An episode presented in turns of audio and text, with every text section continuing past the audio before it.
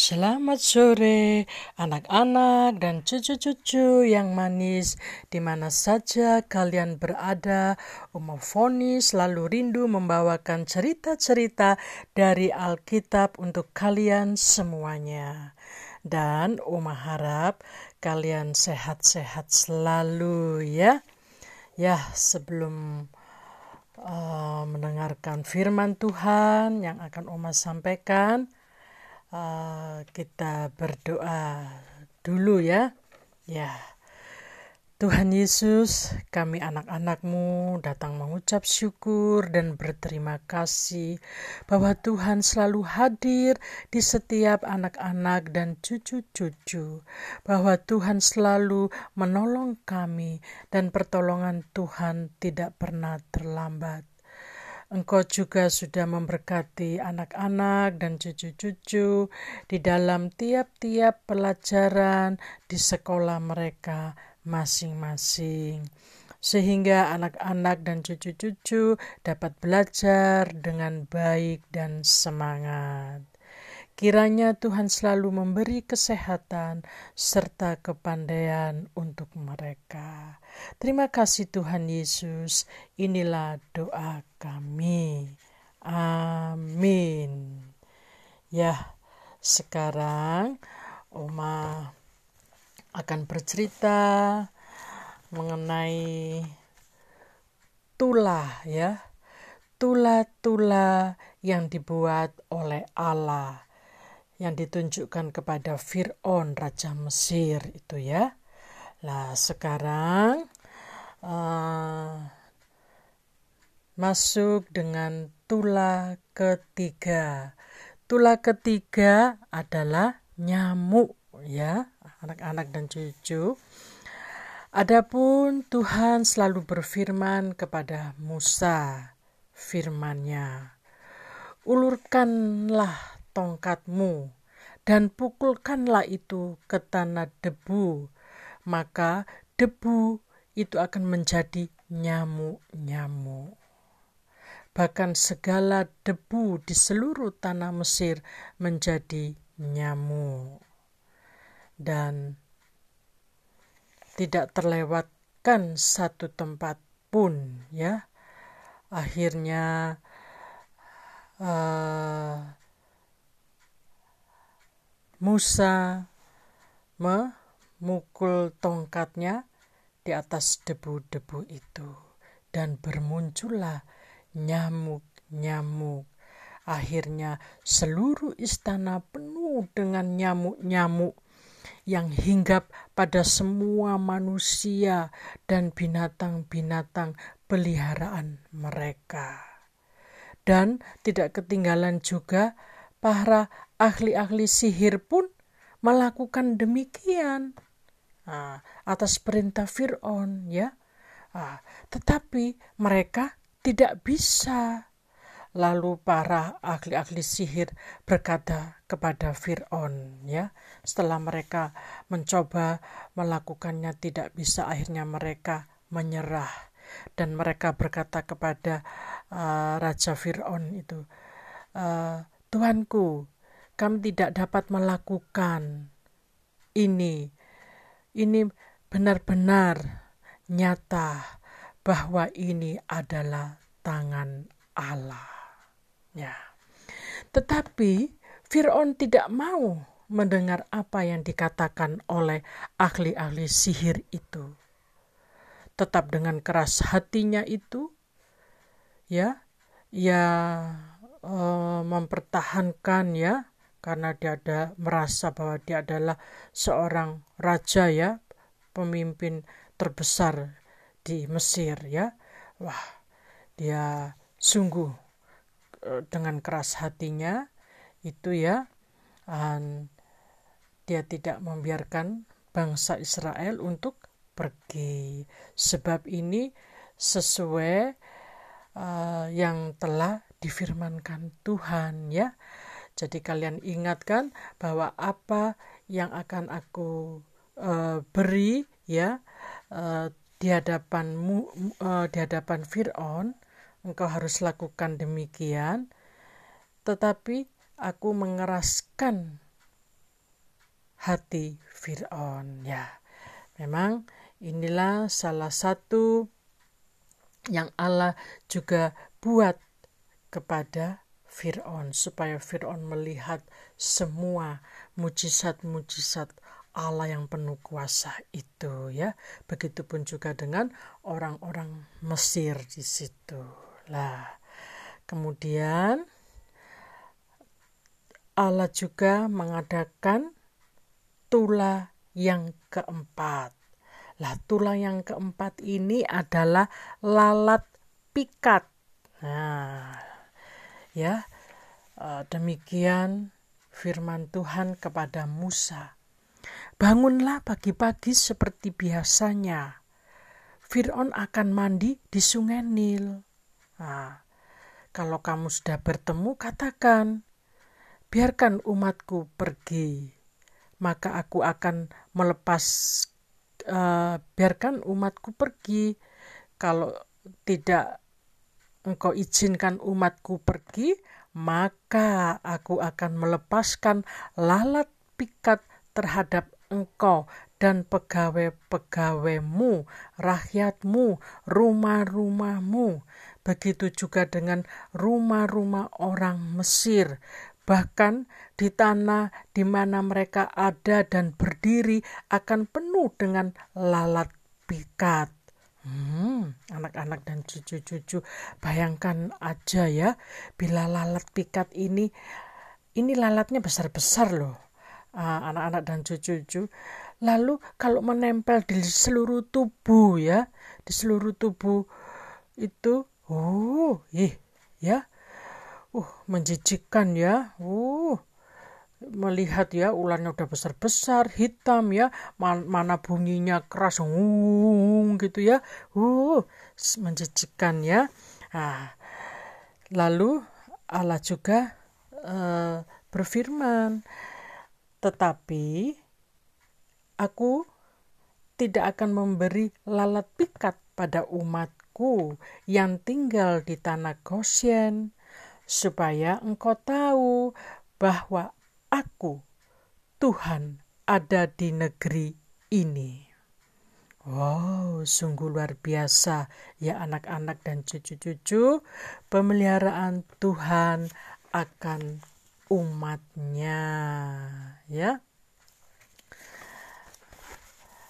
Sebab Tuhan mengadakan perbedaan antara umatku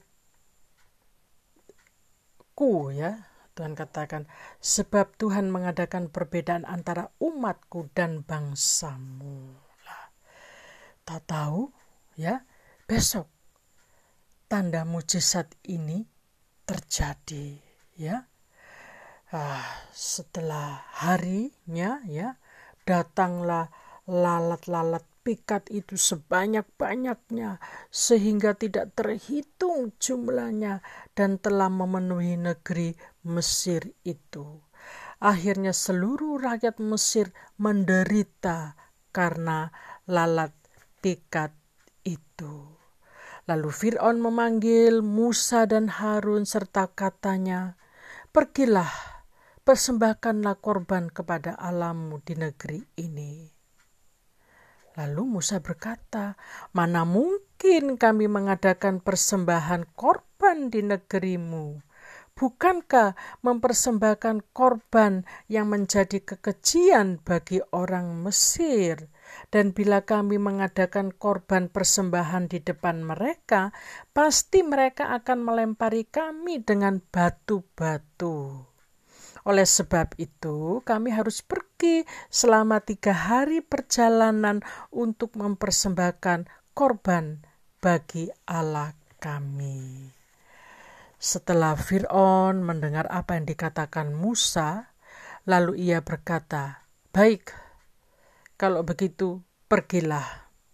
Asal kamu pergi, jangan terlalu jauh." Dan sekarang berdoalah untuk aku. Ini permintaan Fir'aun kepada Musa. Lalu kata Musa, "Sekarang aku akan keluar dan meninggalkan engkau, serta aku berdoa kepada Tuhan supaya lalat pikat ini tidak ada lagi di negerimu dan rakyatmu ini. Kemudian berdoalah Musa kepada Tuhan, dan Tuhan membuat sesuai apa yang Musa minta, supaya lalat pikat tidak ada lagi. Terjadilah demikian, lalat pikat pun lenyap dari Mesir. Tidak ada satu pun tinggal baik di rumah-rumah pegawainya. Setelah Fir'aun melihat semuanya ini aman, suasana di Mesir itu, ia tetap licik ya, atau curang lagi dan masih tetap ia tidak mengizinkan bangsa Israel itu pergi.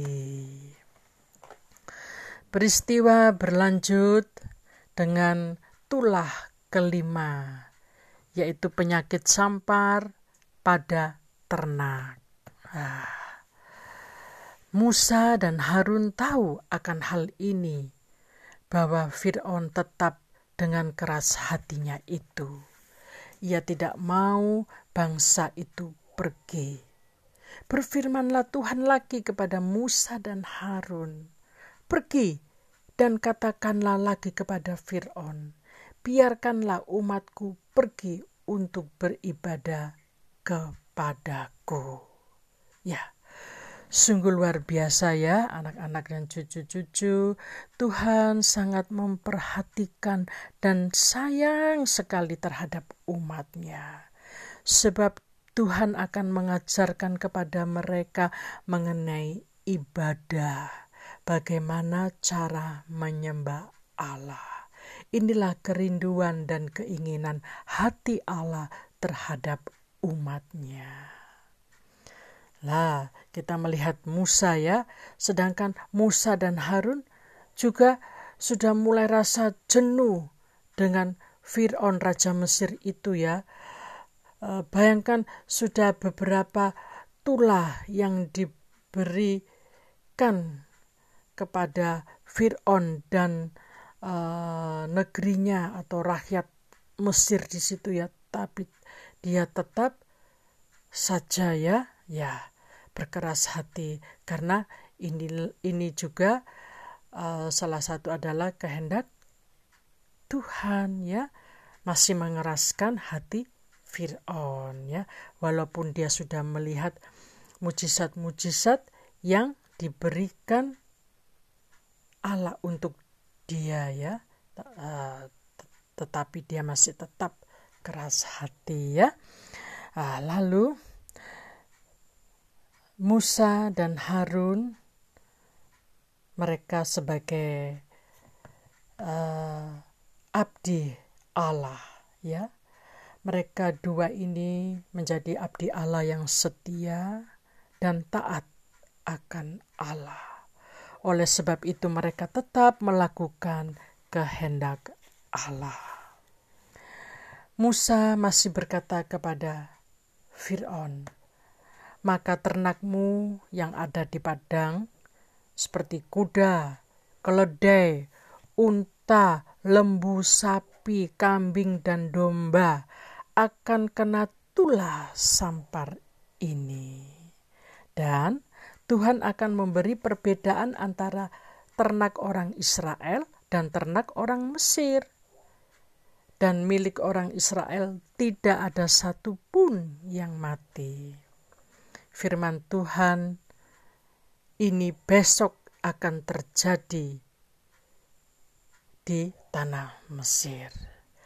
Dan Tuhan melakukan tulah ini seluruh ternak milik orang Mesir mati semuanya. Fir'aun melihat hal ini, dia tahu. Lalu dia memanggil pegawainya dan menyuruh pergi untuk melihat apa benar ternak-ternak orang Israel masih ada. Ya, setelah dilihat oleh pegawai-pegawai bahwa ternak-ternak orang Israel tetap hidup ya sehat-sehat dan gemuk-gemuk ya. Nah, maka dilaporkan hal ini kepada Fir'aun. Fir'aun pun masih tetap berkeras hati dan tidak mau membiarkan bangsa itu pergi. Tentunya hal ini juga dilihat oleh orang Israel ya sebagai umatnya. Mereka takjub dan heran bahwa mereka mempunyai Allah yang dahsyat. Wah, luar biasa ya anak-anak dan cucu-cucu. Ya, uh, demikianlah sampai di sini cerita dari Oma untuk anak-anak serta cucu-cucu semuanya.